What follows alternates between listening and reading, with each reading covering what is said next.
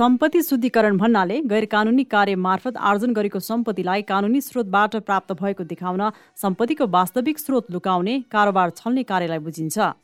सरकारले चालु आर्थिक वर्षका लागि ल्याएको प्रतिस्थापन बजेटमा पूर्वाधारमा स्रोत नकुलाई लगानी गर्न पाइने व्यवस्था गरिएको छ। यसले नेपालमा हुने गैर कानुनी तस्करीदेखि भ्रष्टाचार तथा देशमा कर छलेर विदेशमा लगानी गर्न उस्काउने देखिएको छ।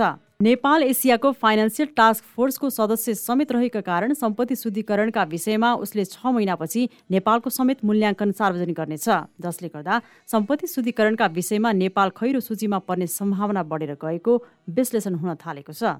तर नेपालमा अहिले नै त्यस्तो अवस्था आइ नसकेको अर्थविद डाक्टर गोविन्द नेपाल बताउनुहुन्छ। नेपालमा अहिले नै पर्छ सम्पत्ति शुद्धिकरणको हिसाबबाट राष्ट्रिय हिसाबले कालो सूचीमा परिहाल्छ भनेर अहिले नै भनिहाल्ने अवस्था चाहिँ छैन किन भन्दाखेरि अहिले अहिलेसम्म पनि नेपालले चाहिँ त्यो मान्यताहरू चाहिँ कायम राखिराखेको छ खास गरेर के भन्दाखेरि स्रोत नखुलेका सम्पत्तिहरूको आवत जावत हुने कुरा अथवा चाहिँ मुलुकमा ती सम्पत्तिको प्रयोग हुने कुरा र त्यसमा चाहिँ सरकारले ऐन कानुनको चाहिँ प्रयोग नगर्ने काम गर्यो भने त्यस सन्दर्भमा चाहिँ अन्तर्राष्ट्रिय निगरानी भइराखेको हुन्छ र त्यसले हामीलाई अप्ठ्यारो पार्न सक्छ। सम्पत्ति शुद्धिकरणका अनुसन्धान विभागदेखि अख्तियार दुरुपयोग अनुसन्धान आयोग लगायत बत्तीसवटा सरकारी निकायहरूले काम कारवाही गरिरहेको भए पनि नेपालले अपेक्षित उपलब्धि हासिल गर्न भने सकेको देखिँदैन।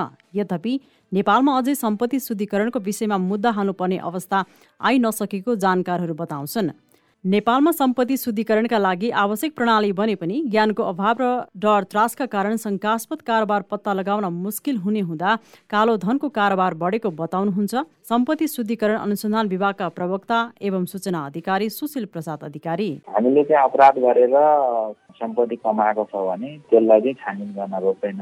हामीले चाहिँ यो सम्पत्ति शुद्धिकरण यसले चाहिँ मान्छेलाई मुद्दा हाल्ने अथवा अनुसन्धान गर्ने भन्दा पनि प्रिभेन्टिभ मेजरमा जोड्दै भन्छ होइन? कुनै अपराधको चाहिँ बाई प्रोडक्ट भएको हुनाले त्यो मेन सम्बद्ध कसुर भन्छ त्यसलाई प्रेडिकेट अफेन्स त्यो नै हुन नदिनेतिर चाहिँ राज्य लाग्नुपर्छ होइन? सरकारले ल्याएको बजेटमा पूर्वाधारमा लगानी गर्न स्रोतको आवश्यकता नपर्ने व्यवस्था लागू हुँदा देशमा भ्रष्टाचार मौलाउने तथा अन्तर्राष्ट्रिय स्तरमा आधिकारिक प्रमाण नहुँदा खैरो लिस्टमा पर्ने सम्भावनाप्रति बेलैमा सचेत हुनुपर्ने देखिएको छ।